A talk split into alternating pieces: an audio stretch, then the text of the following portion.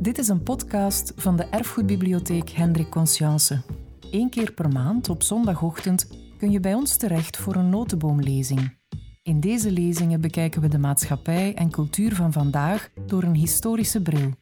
Je kan ze hier herbeluisteren. We wensen je heel veel luisterplezier. Uh, goedemorgen, dames en heren, beste vrienden. Welkom op deze tweede notenboomlezing over het kind.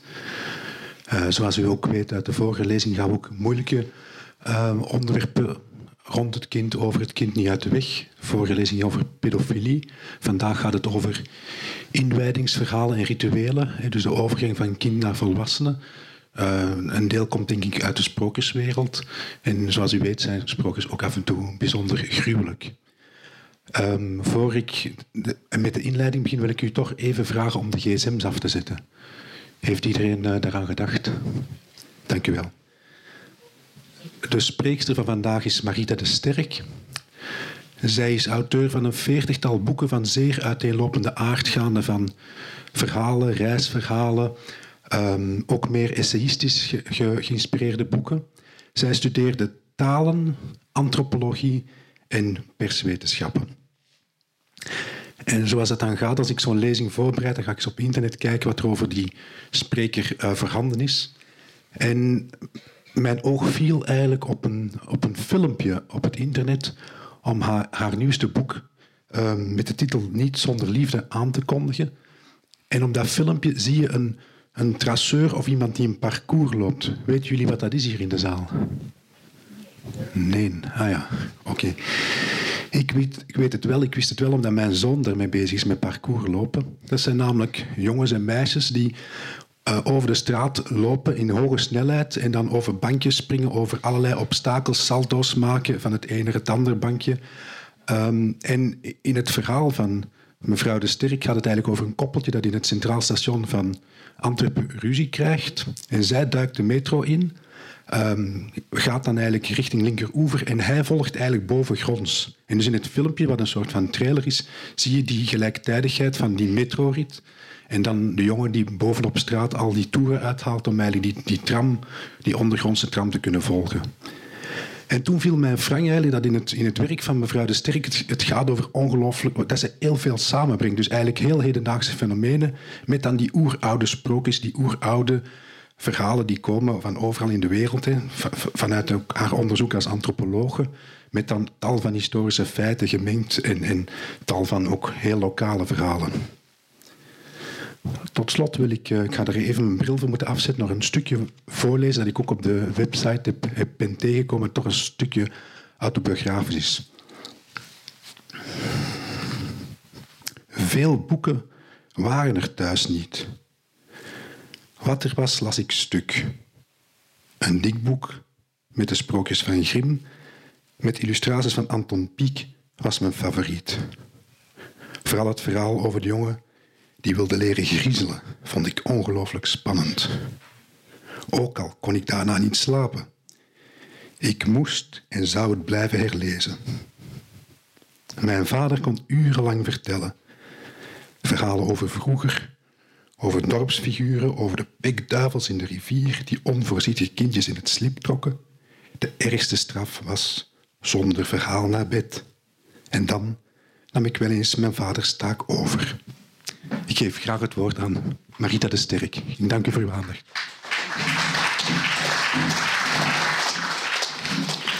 Goedemorgen allemaal. Fijn dat jullie dat uh, winterse weer hebben getrotseerd. En uh, mij rest dan de taak om te proberen om hier wat tropische warmte binnen te brengen. Door jullie mee te nemen op reis, op reis in verhalen, op reis naar mensen die allemaal ook bezig zijn met het vieren van de groei van de komende generatie en hen welkom te heten. De inleider heeft het al eh, verteld. Ik ben het kind van een verteller. En daar komt echt wel die liefde voor dat mondeling vertelde verhaal vandaan. Er was eens de magie van die formulering. Meteen zit je op een andere plek, zit je in een andere tijd. En ik zie al aan een aantal reacties dat er hier nog best wel wat mensen in de zaal zijn die wonderschone herinneringen hebben aan die magie van dat vertellen. Die nabijheid, die zintuigelijkheid van dat vertellen het laten vallen van een stilte, het opbouwen van spanning, de mogelijkheid tot interactie. Ik ben tot de dag van vandaag eigenlijk een kind gebleven dat hunkert naar die mondeling vertelde verhalen. Ik ben ook heel erg tuk op die vaste formules die altijd gebruikt worden om zo'n verhaal te openen, af te sluiten. En heel vaak is dat ook in het dialect. Hè. ik zal ook nooit vergeten, toen kwam er een rosse kater, sprong in het water, sprong in dassen, begon, de non begon te bassen. Het vertelselken is gedaan, jij moet rap slapen gaan. Ik vind dat, dat zijn zo'n bijzondere formuleringen. Je vindt die ook in alle talen, in alle culturen, terug in andere gewijzigde versies. Ik vind dat eigenlijk iets heel, heel bijzonders. En dat heeft van mij eigenlijk een uh, zoeker, een, een speurder naar verhalen gemaakt wereldwijd. Het is ook al eventjes gevallen, pekduivels in de rivier. Ik ben opgegroeid in Niel bij de Ruppel. Dat is hier niet zo heel ver vandaan als je richting Mechelen rijdt. Dat is een plek met heel veel waters en heel veel gevaarlijke waters. En dat is iets wat onze voorouders, uh, ouders, grootouders heel dikwijls deden. Verhalen vertellen rond plekken die zeer gevaarlijk waren. In Niel, boom bij de Ruppel, werd er gezegd, pas op voor de Ruppel. Het slijk, het slip van die getijde rivier vreet kinderen. En dat moest je heel letterlijk nemen, want als je een voet op dat dikke slip zette, begon je weg te zakken en niemand kreeg u daar nog uit. Dus ik zal dat ook nooit vergeten dat mijn vader zei: In dat slijk zitten de pekduivels, hun haar zo donker als het slip, je ziet ze niet. Hun armen zo lang als populieren, hun handen zo groot als kruiwagens en oren immens om te horen hoe er ongehoorzame kindjes op de dijk afkwamen. En dan strekten ze die armen gelijk populieren, zo openden die handen gelijk kruiwagens en lap daar verdwenen die kindjes, werden meegesleurd in het slijk. Ze verzopen, ze versmachten. Veel was niet genoeg.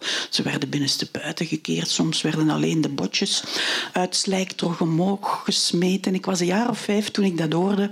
Mijn haar kwam recht omhoog. Horror voor kinderen, zal ik maar zeggen. Maar het werkte wel. En wat heel belangrijk was, het waren ook heel, heel schone verhalen, vond ik. En dat soort verhalen neem ik ook mee als ik op speurtocht ga wereldwijd naar volksverhalen. Want het gaat altijd om ruilhandel. Je kunt niet bij een cultuurgroep aankloppen en zeggen: Hier ben ik, vertel mij eens een verhaal.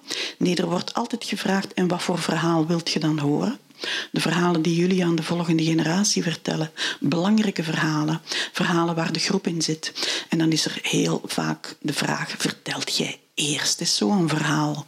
Dus dan reizen die pekduivels mee naar de Sahara, naar de rode woestijn bij de aboriginals en laat ik ze daar op de mensen los. En vertellen, dat weten we eigenlijk allemaal, genereert vertellen. Vertellen maakt vertellen los, dat is gelijk een inktvlek die zich begint te verspreiden. Ik ben al heel lang met dat onderzoek bezig. Misschien kunt je aan de foto linksboven zien dat ik als jonge onderzoeker een meisje bij de Navajo interview die net uit een groot initiatieritueel komt.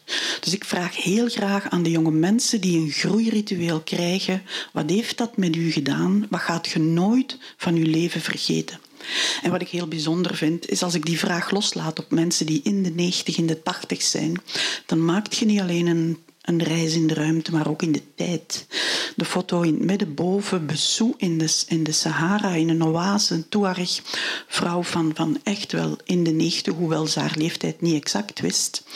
Als zij vertelt over het verhaal dat zij heeft gehoord als 15-jarige, dan reist je terug, generaties terug, in dat leven van de Tuareg toen zij nog met zoutkaravanen door de Sahara trokken vind ik dus heel boeiend om de verschillende generaties aan het woord te laten.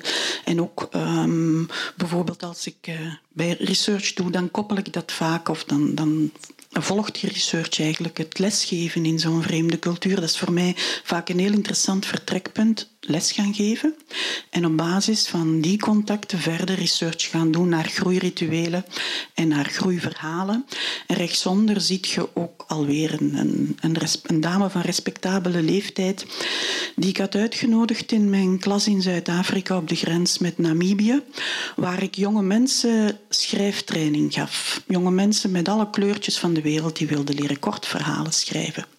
Nu, als je aan jongeren wilt leren hoe ze de pen kunnen hanteren, hoe ze een verhaal kunnen opbouwen, dan kun je zoveel opsteken uit die oude mondelinge volksverhalen. Dus ik had Sebasa meegenomen naar de klas en ik had ze laten vertellen. En de openingszinnen en de verhaalopbouw en, en wat men met spanning doet en hoe men een publiek meezuigt in zo'n mondeling verhaal, dat zijn eigenlijk gouden regels als het gaat om het eh, leren beheersen van de vertelkunst.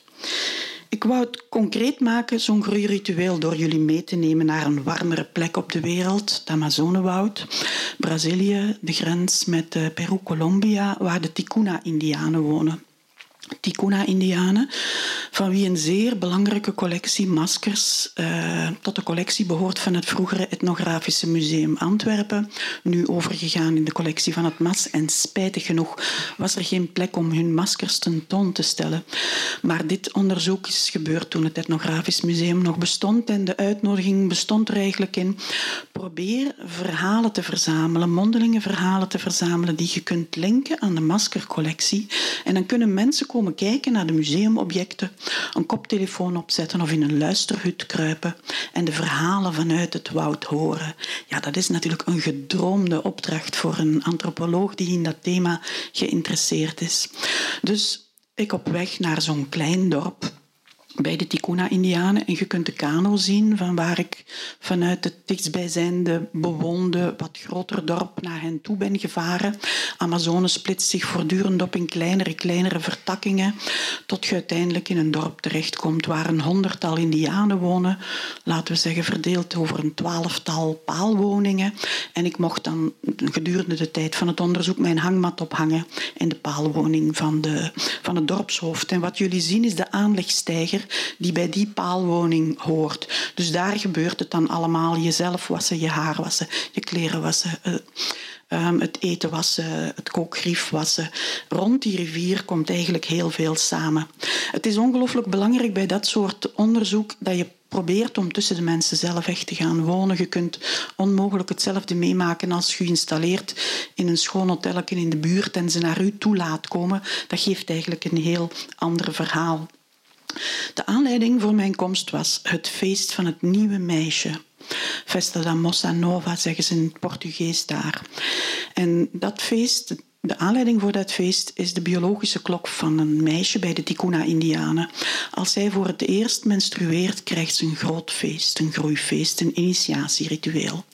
En stel u dat feest maar groot genoeg voor. We spreken over drie dagen, twee nachten non-stop feest, waarbij er bijna niet geslapen wordt. En zeker de jonge mensen om wie, over wie het feest gaat, die zullen proberen om wakker en alert te blijven. Um, het is een zeer ingrijpend feest. Er komen makkelijk 2 à 300 gasten op af. Wat maakt dat men voldoende voedsel moet vergaren om hen te voeden en een aanlooptijd van makkelijk zes maanden nodig heeft om dat feest fatsoenlijk voor te bereiden. Dat gaf mij de mogelijkheid om ook uh, rustig van hieruit uh, dat vertrek en dat onderzoek in elkaar te steken. Die 2 à 300 mensen vinden een plek in een grote maloka, een, een soort houten gebouw, een soort grote feesttent open aan de zijkanten. En in het hart van die maloka staat een klein initiatiehuisje, dat in de taal van de Tikuna de baarmoeder wordt genoemd. Dat zegt al heel veel. We zijn met een ritueel bezig waarin de symboliek van het lichaam voluit bespeeld wordt. Men gaat ervan uit dat in dat huisje een kind sterft. En dat na de rituele dood van dat kind er een tweede geboorte volgt, een second birth. Een mens wordt twee keer geboren, zeggen zij.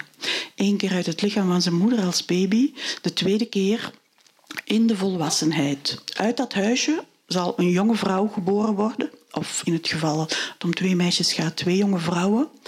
En de hele groep zal hen welkom heten in die wereld van de volwassenheid en zal daarbij allerlei teksten en symbolen gebruiken die horen bij geboorte.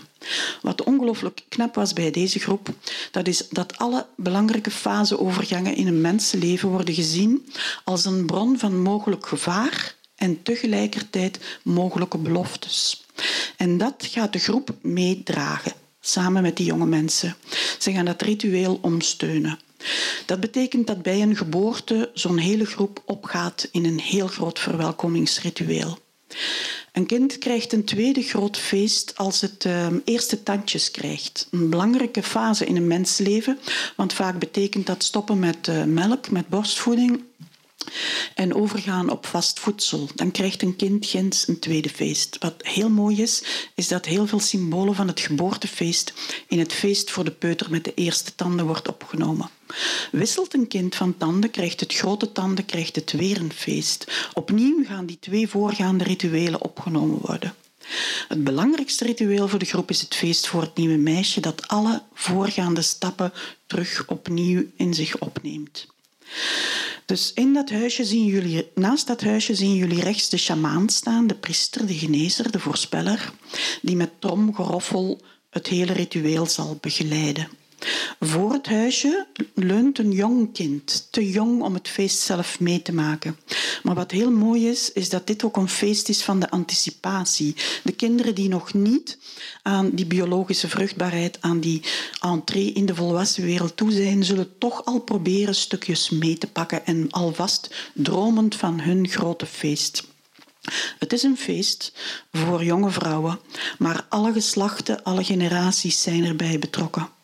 En wat ook heel bijzonder is, is dat dit huisje, dit hutje, dit initiatiehuisje dat de baarmoeder heet, is gebouwd door de jongens van de groep. Die daarvoor op, expeditie trekken diep in het woud, mooie blanke eh, planken gaan zoeken en een huisje bouwen voor die meisjes. En het ook nog heel mooi versieren. Dus het is heel mooi hoe eigenlijk in dat in dat feest eigenlijk al die generaties, al die verschillende uh, groepen mensen samenkomen. We werpen een blik in het huisje, wat normaal niet kan. En ik aarzel altijd een beetje om dat soort beelden um, publiek te maken. Normaal kijk je niet in het huisje en al helemaal niet als je een man of een jongen bent. En je, je ziet rechts die meisjes zitten in dat huisje. Moderne kleren die ze ruilen voor uh, bananen, voor ananassen. Je ziet links de sjamaan een hele grote houten trompet. Ik weet niet of je het goed kunt zien tot van achter. In het huisje boren. Um, dit is eigenlijk een symbolische bevruchting. De sjamaan zal door die lange houten trompet in het huisje de verhalen blazen. Nu, dat is een moment dat wel kan tellen. Het is aardedonker, dit is het licht van mijn flash.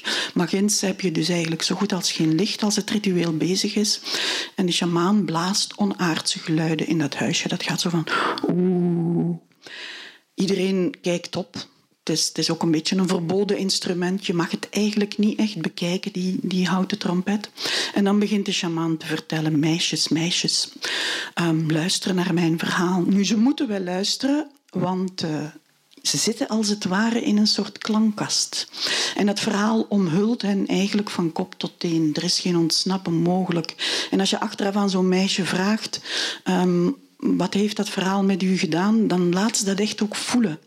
Van, dat heeft mij veranderd, dat verhaal. Dat is zo hard blijven plakken. Nu, dat is iets wat je in heel veel rituelen overal ter wereld terugvindt. De dramatische scenario's die mensen verzinnen om dat soort verhalen echt binnen te laten komen bij de jonge generatie, die zijn echt wel onvoorstelbaar. En dan de derde ochtend, bij zonsopgang, wordt dat huisje opengebroken. En die meisjes tuimelen naar buiten als worden ze geboren. Ze komen terecht in de handen van de oudste vrouwen, die ze insmeren met blauw-zwarte sap van de vruchten van het Genipapo-palm. En op die manier wordt eigenlijk die verandering die zich in dat lichaam van die meisjes uh, plaatsvindt, op de huid gelegd. Langzaam maar zeker zal die uh, plantaardige vloeistof donkerder kleuren. Het is een beetje het effect van henna. En gedurende drie weken zal die zeer zichtbaar blijven op de huid. Dus langzaam maar zeker kleuren die meisjes donkerder en donkerder. En dan worden ze beplakt met veren. Um, je ziet hun lichamen, hun gezichten bedekt met dons. Donsveren verwijzen naar een kuiken, naar een jonge vogel. En je ziet op hun hoofd een ander soort verentooi, staartveren van de Ara-papegaaien. Die verwijzen naar een verentooi die de sjamaan draagt, die priester-genezer, als hij door de hemelen reist en plekken kan bezoeken waar normaal geen mens komt. Nu, er wordt niks uitgelegd tijdens dit ritueel. Dus een soort commentaarstem is compleet afwezig. Maar wat heel mooi is, is wat die veren vertellen. Hier staat een donskuiken, dat eigenlijk af en toe het gezin nog nodig heeft, nog kan gebruiken, maar toch al uitgenodigd wordt om heel, heel ver te vliegen. Dus verwijst een beetje naar de titel die ik aan de lezing heb gegeven, Donskuiken en Ochtendvogel. Die meisjes zijn beide tegelijk. Ik vind dat een heel mooie weergave van wat in puberteit en adolescentie gebeurt, dat heen en weer pendelen van toch nog die familiale context te kunnen gebruiken, nodig te hebben en tegelijkertijd heel ver te willen uitvliegen in de wereld. Ja, en die blik van dat meisje na het ritueel, die zal ik uh, niet gauw vergeten. Um, je hoort dan dikwijls heel vaak zeggen dat, dat, mensen zeggen van ik ben een hoofd gegroeid. En wel, ik heb dikwijls het gevoel dat dat ook echt zo is.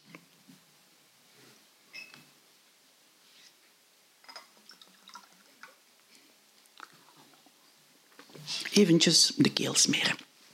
Dus dat meisje um, kijkt de wereld in. En de plek waar jullie nu zitten, zie je dan echt wel 200, 300 mensen die eigenlijk aan het supporteren zijn. Nu, dat, dat doet wel iets met zo'n jong mens. Ik vertel dit verhaal in aangepaste versie ook aan jongeren. In het begin zie je ze zo echt kijken van zeg 300 gasten. Ik mag er niet aan denken. Ik vermoord mijn moeder als het aan de buren vertelt. Maar naarmate het verhaal vordert, uh, zie je toch ook bij hen zoiets van het is echt wel een heel chic feest. En je zult maar zoveel supporters hebben bij je entree in de volwassen wereld. Dat heeft toch ook wel iets. Nu, dit is een van de verhalen die de sjamaan aan de meisjes vertelt. Op zo'n moment zelf ga je als antropoloog niet tussenkomen. Je maakt jezelf onzichtbaar, je bent de kamerplant, maar achteraf kun je naar de sjamaan toe gaan en zeggen van ik heb die en die woorden gehoord, kun je mij dat verhaal terug vertellen? Het is een heel oud verhaal. Het duikt al op in de antropologische vakliteratuur van meer dan een eeuw geleden. Ik ga het ook hier even brengen. Er was eens een beeldschone jonge vrouw die nacht na nacht in haar hangmat werd bezocht door de beste minnaar van de wereld. Maar in het donker kon ze niet zien wie hij was. Natuurlijk werd die beeldschone jonge vrouw onvoorstelbaar nieuwsgierig naar de identiteit van haar nachtelijke minnaar. Het was ook nog een hele slimme vrouw. Dus deze vrouw bedacht een list. Ze stopte haar handpalmen heel diep in een ton met de blauw-zwarte verf gemaakt van de vruchten van de Genipapo-palm. Ze kroop in haar hangmat en ze wachtte de nacht en de komst van haar minnaar af.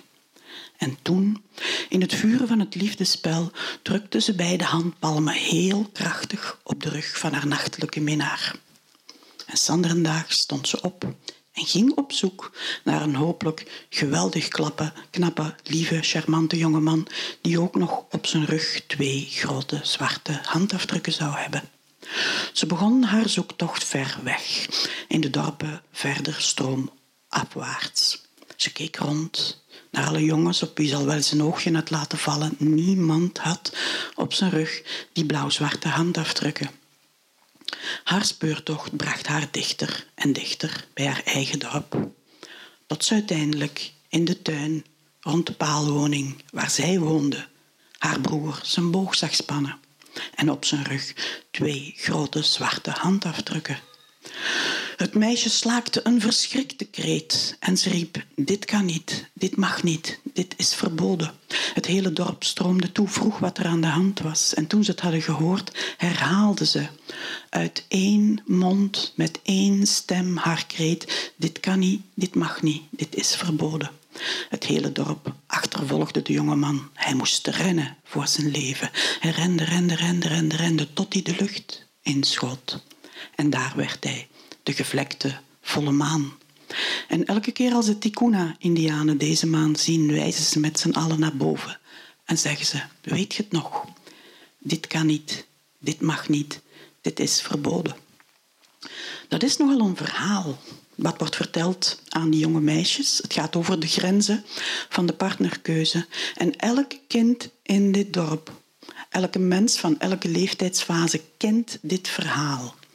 Het is collectieve kennis die wordt doorgegeven en benadrukt.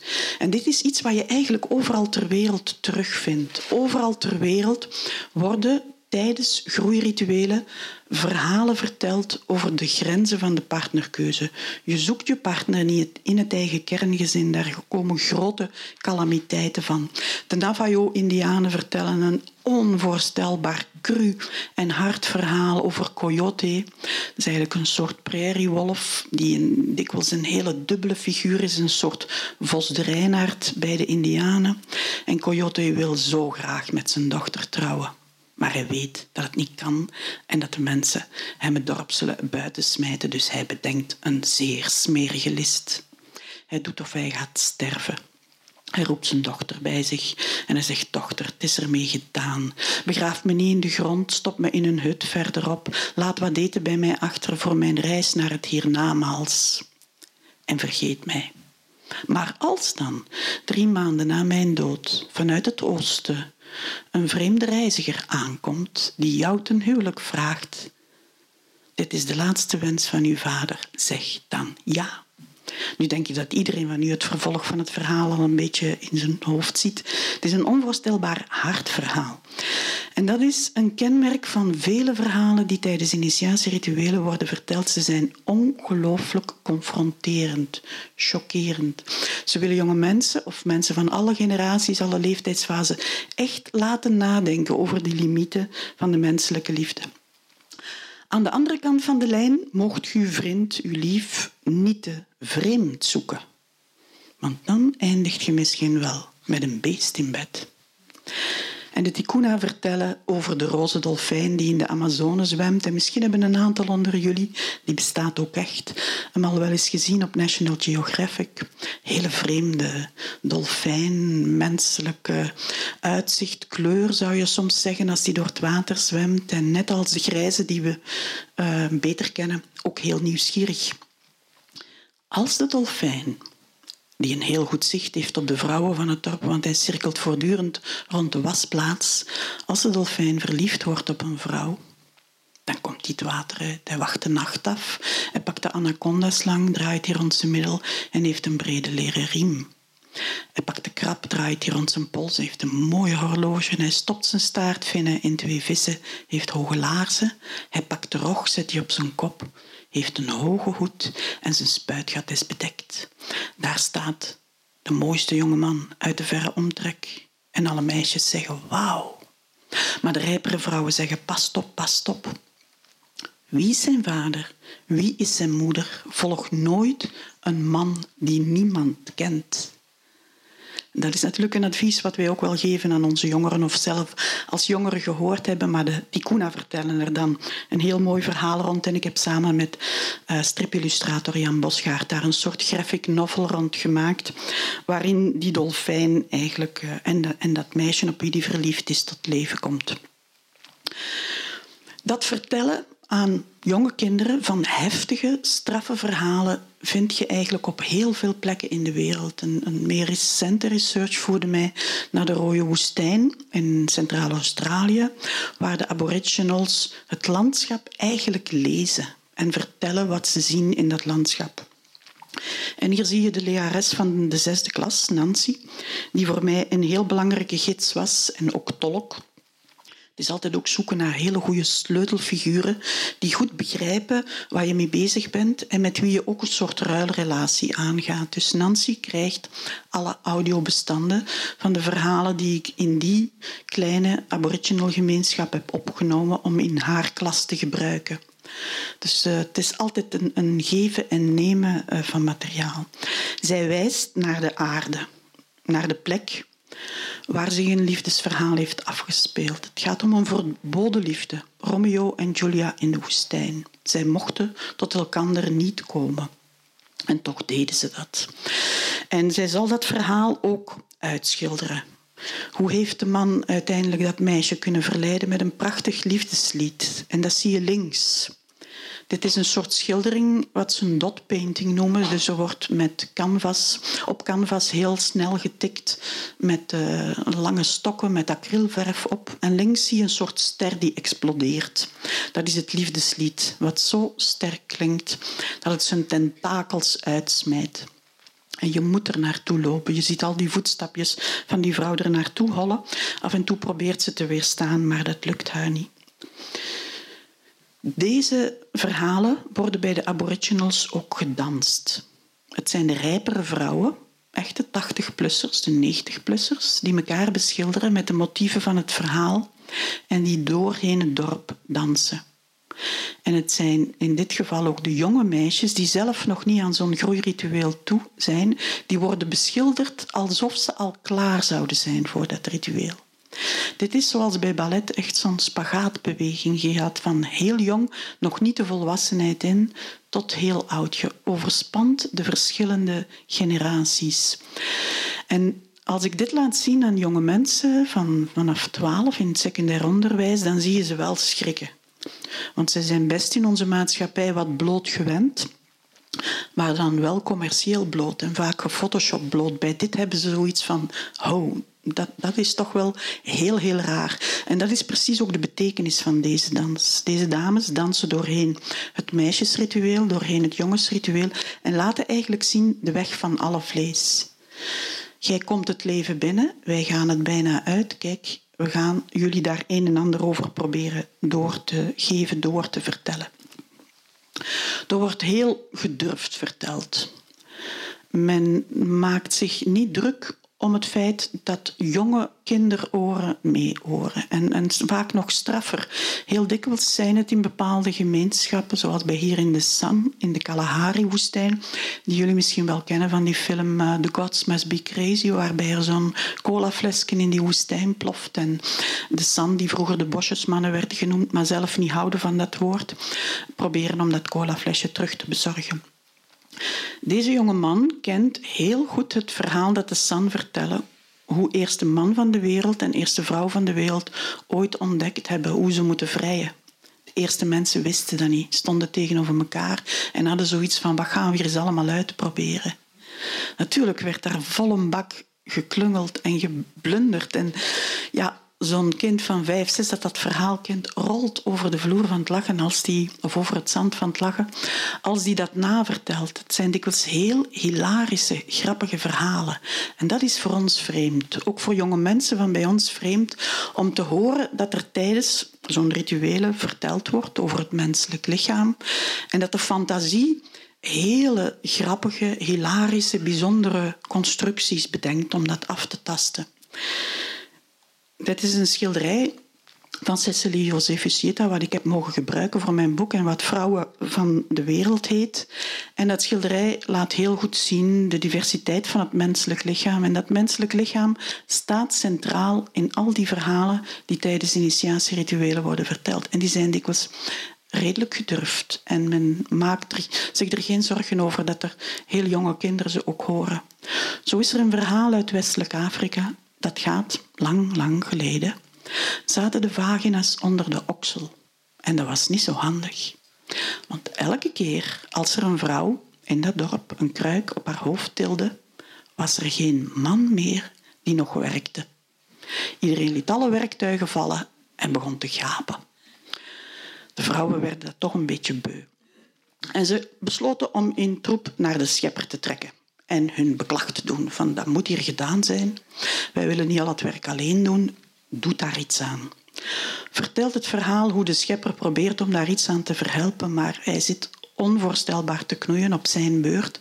Het is een onvoorstelbaar amusant verhaal, wat eigenlijk aftast van, van, van wat, wat is dat nu met dat mannenlichaam, met dat vrouwenlichaam. We bewonen allemaal één van de twee. En onze enige manier om ons voor te stellen hoe het zou zijn om de andere te zijn, um, is onze verbeelding. En dat is wat die verhalen eigenlijk voluit uh, gebruiken.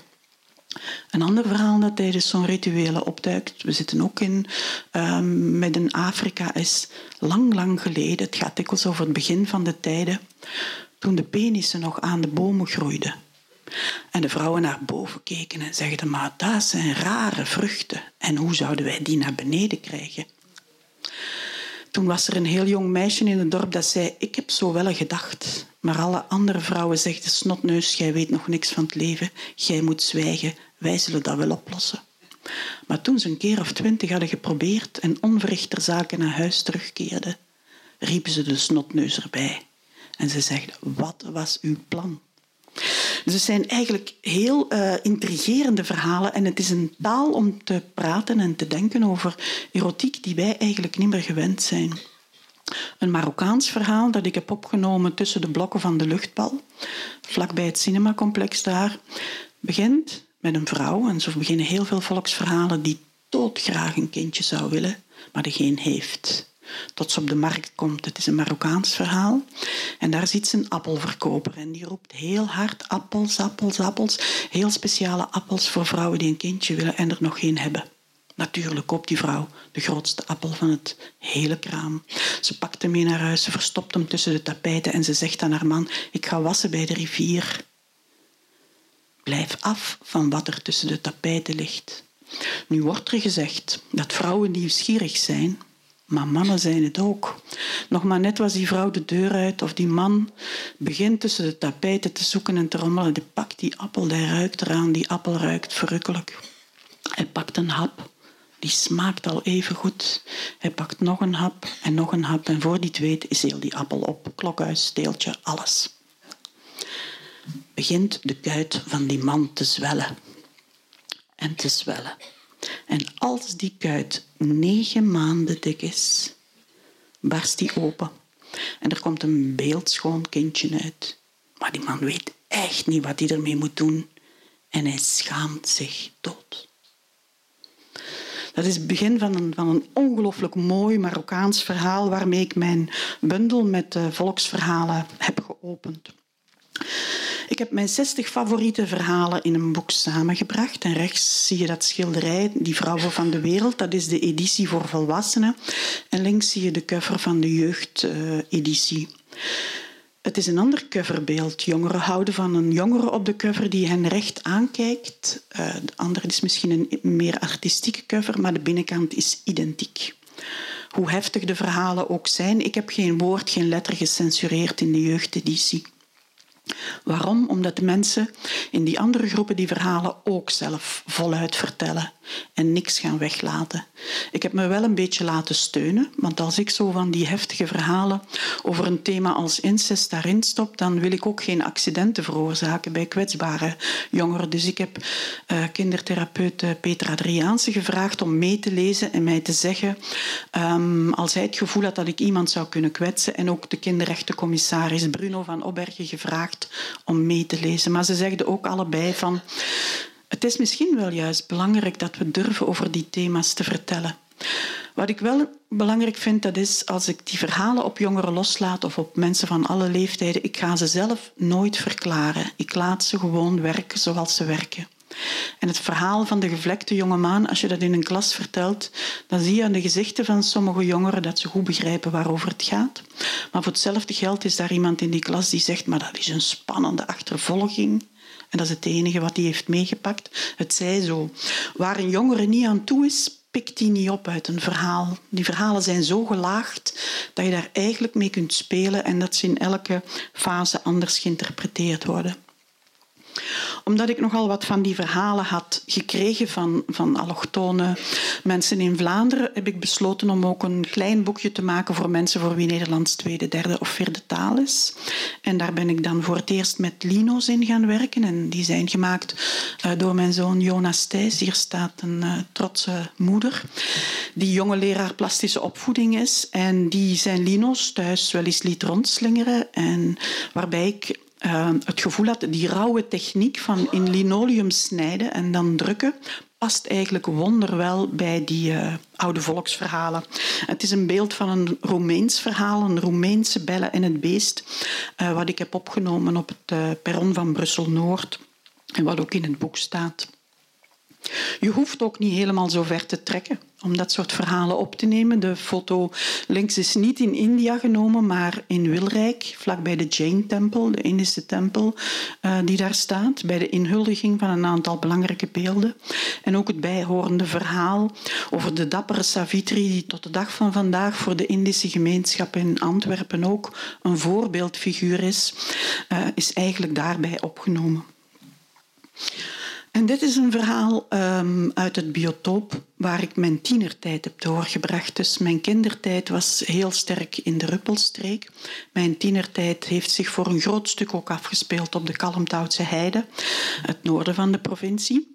En daar was een dorpsonderwijzer, heemkundige Alfons Tireliere, die wel eens in het, uh, op de zolder van café um, De Kiekenhoef, vlakbij het Karrenmuseum, hij, hij was ook de grote bezieler van het Karrenmuseum, vertelavonden hield.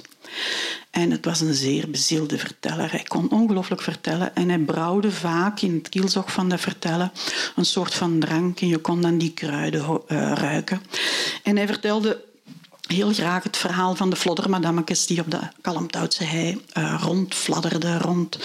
En die zo mooi waren en zo onweerstaanbaar waren, dat elke man zeer sterk de neiging voelde om van het rechte pad af te dwalen, ze te achtervolgen en vervolgens in een diep ven, een sloot of een moeras terechtkomt. Dat is een thema wat eigenlijk grensoverschrijdend ook in Nederland, daar heet dan de witte wieven, voorkomt en wat eigenlijk... Uh, een ongelooflijk prettig verhaal is.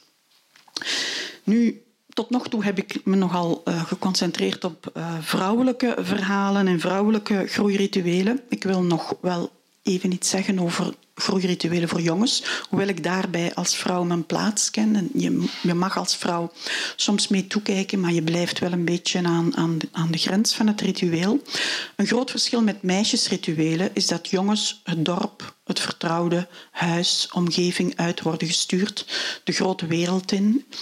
Hier in het Amazonewoud met als opdracht om een belangrijke prooi te vangen.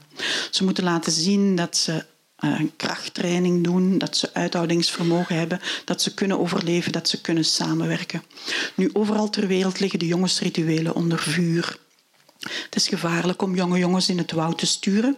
Als ze op uh, illegale houtkappers zouden botsen, dan vertellen ze het niet na. En dat is een spijtige zaak. Um, het feit dat die jongensrituelen overal uh, afgekalfd worden.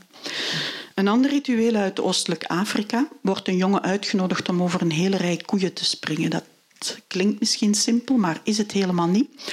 Het is opnieuw een zaak van krachttraining, ehm, van vertrouwen hebben in de dorpelingen die die beesten vasthouden, van telkens opnieuw kunnen proberen, durven proberen.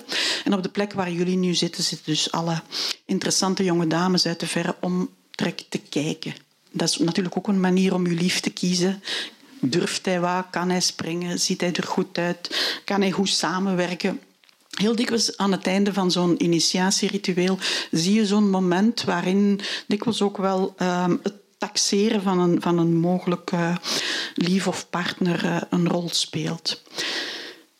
Het is al genoemd uh, door Koen, maar um, op een bepaald moment ben ik ook hier in Antwerpen, helemaal niet ver weg, maar hier, heel kort bij, een groep traceurs gaan volgen of freerunners.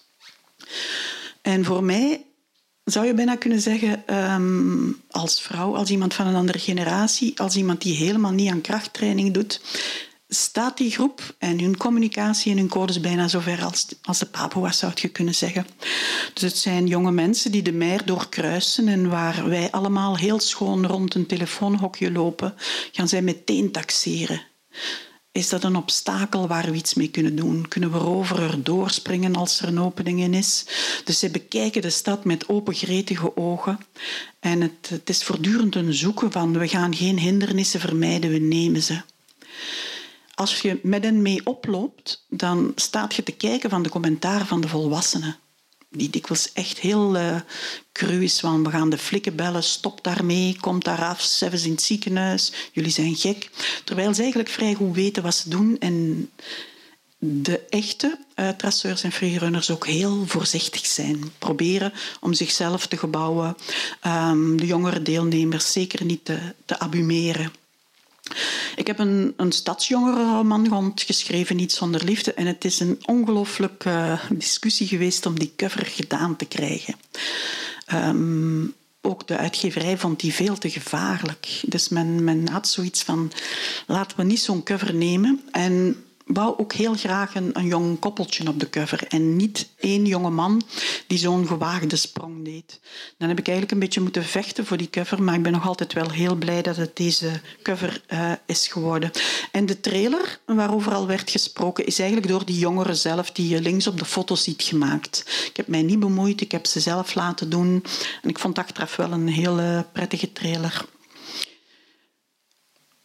Groeien in de Grote Oorlog was het thema van de hondeneters en dat boek is hier destijds voorgesteld en door Martin Tange. En ik vond het heel fijn dat ik het hier kon voorstellen, want ik heb ook wel iets met dit huis. Ik heb in dit huis alle oorlogskranten doorgenomen. Het is een verhaal wat speelt in december 1917. Nu, als je kranten uit die periode wil doornemen, dan kun je hier terecht. En voor sommigen moet je witte handschoenen aantrekken of ze verpulveren onder je vingers. Moet je heel secuur zijn.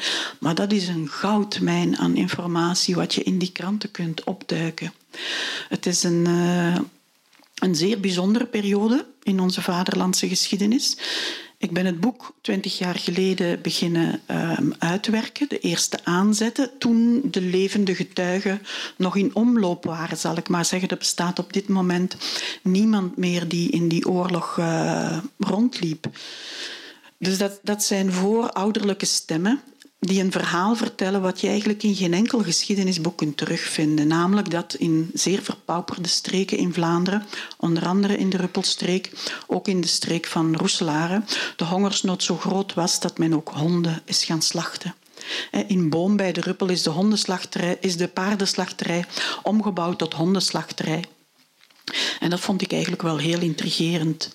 Nu, heel veel oude mensen durfden niet voluit te vertellen over die oorlog. Maar wat dan wel over die oorlog en over de grote verliezen sprak, waren de oude volksverhalen. Onder andere het verhaal van Kludde, die in de bomen zit.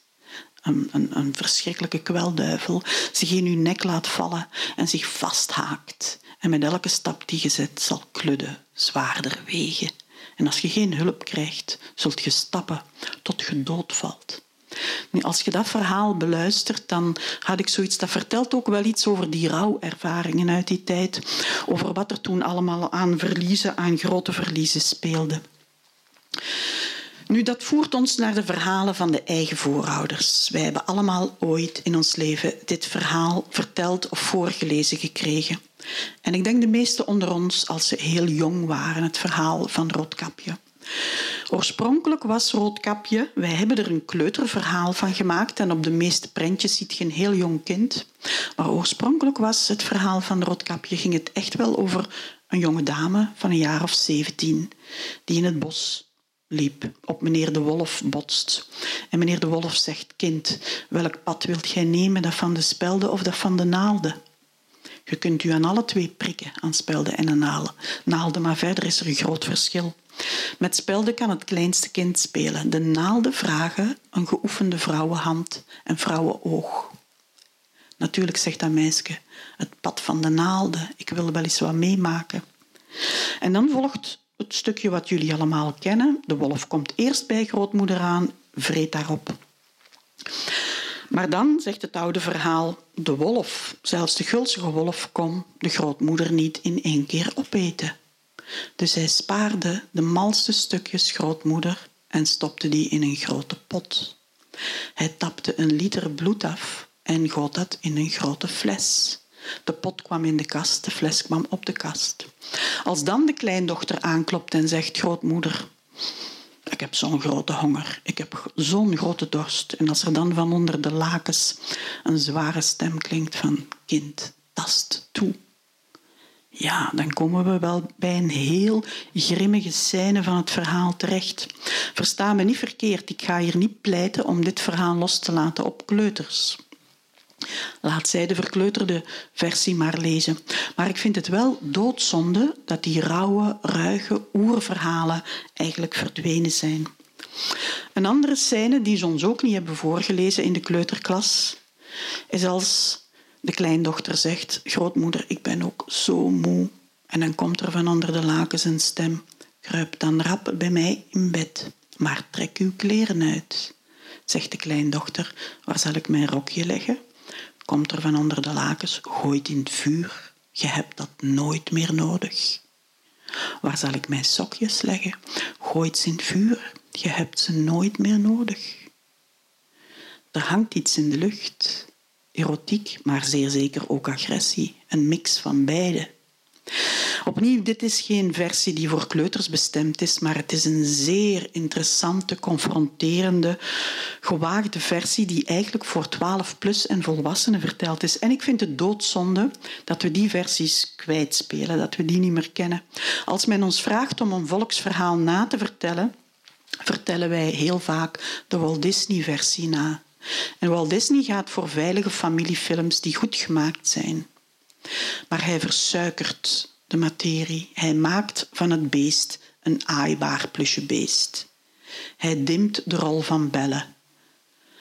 En als je naar de oude Italiaanse versie van Straparola gaat, 1550 schrijven we dan, dan is het beest echt een heel vuil, smerig, agressief varken. Dat luid roept, ik eis een bruid. En het vraagt wat van een prinses om uit dat walmende varken een schone prins tevoorschijn te toveren. Vergeleken bij deze prinses is de prinses van Walt Disney echt een tuttebel. En dat doet hij wel vaker in zijn films. Ik denk dat de meesten onder ons niet weten dat in de eerste editie van de Sprookjes voor Kind en Gezin van de gebroeders Grimm we vieren nu 200 jaar Grim. Ze krijgen een standbeeld in de Efteling. In die eerste editie, 1812, is Rapunzel zwanger in de toren. En de heks die haar opsloot zegt, maar jij hebt bezoek gehad. Dat is uiteindelijk uit dat sprookje weggevaagd. De Grims wilden een breder publiek en ook kinderen bereiken.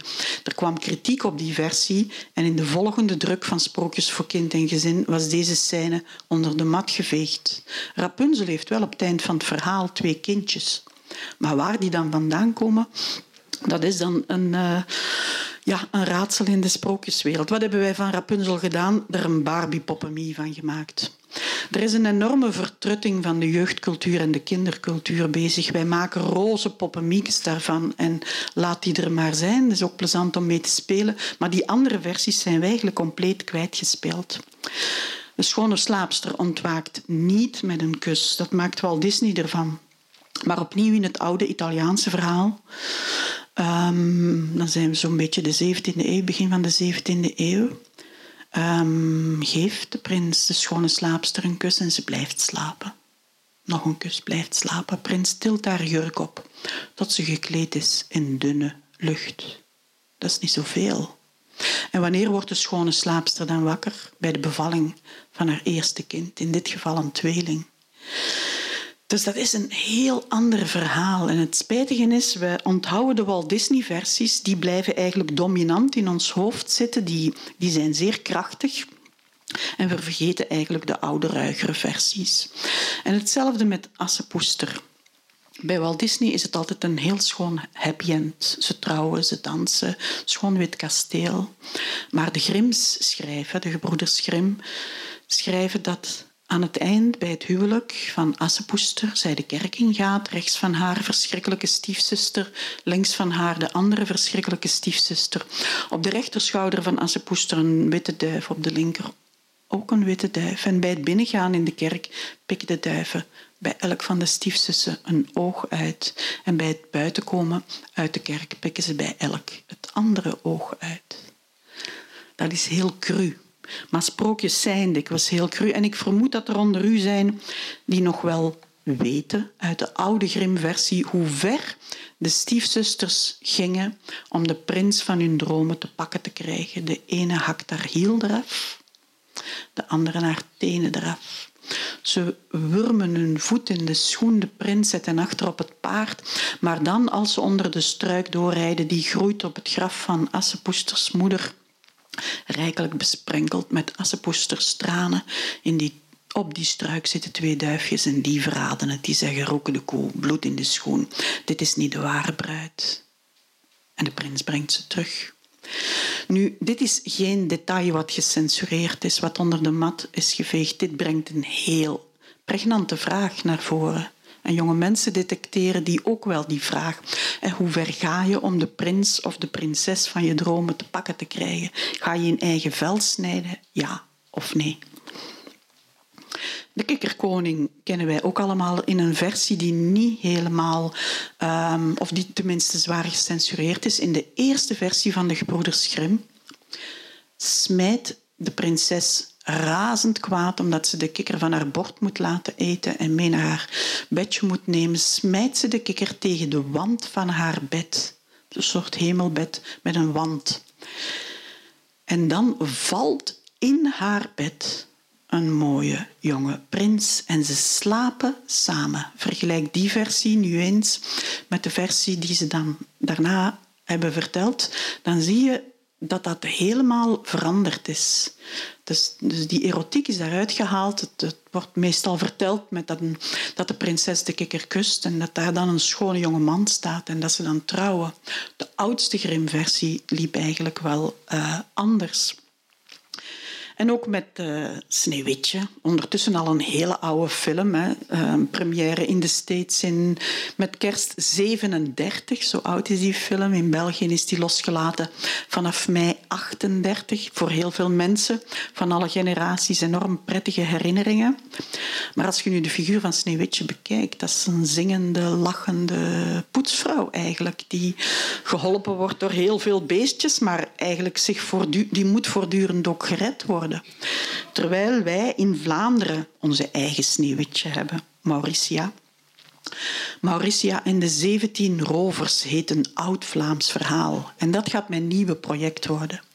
Ik wil uit de collectie die in dit huis onder andere zit aan oude Vlaamse volksverhalen en uit de collectie van het Letterhuis mijn 60 favorieten bij elkaar zoeken. En wat is zo typisch aan die Vlaamse volkssprookjes? Ze hebben ongelooflijk veel humor. Volksgeloof, magie speelt een hele grote rol. En ze hebben ook heel dikwijls iets vrij revolutionair. Hier zijn het geen dwergen, hier zijn het 17 rovers en moordenaars die voor het meisje zorgen. Ook heel belangrijk is dat in de eerste versie van Grimm het niet de stiefmoeder van Sneeuwwitje was, maar de eigen moeder die haar dochter het bos instuurde, in de hoop dat ze nooit meer zou terugkomen. Dat hebben de Grims ook gedaan. Als er commentaar kwam van zoiets doet een moeder een vader niet, hebben zij daar stiefmoeders en stiefvaders van gemaakt. Met als gevolg dat in deze tijden, waarin nieuw samengestelde gezinnen zo talrijk zijn, heel veel mensen daar zitten. Maar wat dus dat zeggen die sprookjes? Die stiefmoeders en die stiefvaders die kunnen precies niks goed doen. Dikwijls was het in de eerste versie anders. Ook in het Vlaamse verhaal is het de eigen moeder van Sneeuwwitje die haar het bos instuurt. Ze wordt gered door de 17 rovers en moordenaars. Er komt een prins aan te pas, maar als die prins haar ten huwelijk vraagt, dan zegt Sneeuwwitje, Mauricia hier heel gedecideerd, nee, nee, laat mij maar trouwen met de rovershoofdman. Dat is dus eigenlijk wel een heel ander verhaal. Ik heb zo'n negen volkssprookjes die wij denken te kennen teruggevoerd naar een ruigere vorm. Het is geen kleuterboek geworden. Het is een boek geworden waarvan ik hoop dat het 12-plussers van middelbaar en volwassenen kan boeien. En wat ik ook altijd heel tof vind, is dat dat soort verhalen door de generaties kan reizen. En ik denk dat wij als volwassenen, als helpende volwassenen die te maken hebben met jonge mensen, daar een heel fijne rol in kunnen spelen. Dat voorouderlijke materiaal dat is niet alleen literair heel krachtig, maar dat is vaak ook heel ruig en rauw en confronterend en vertelt echt vol een bak over het volle leven. Ik denk dat wij kunnen proberen om een beetje schakels te zijn en dat materiaal laten doorstromen. En misschien, wie weet, kunnen we op die manier een antwoord bieden aan die ongelooflijke vertrutting van die kinder- en jongerencultuur. Dank u wel.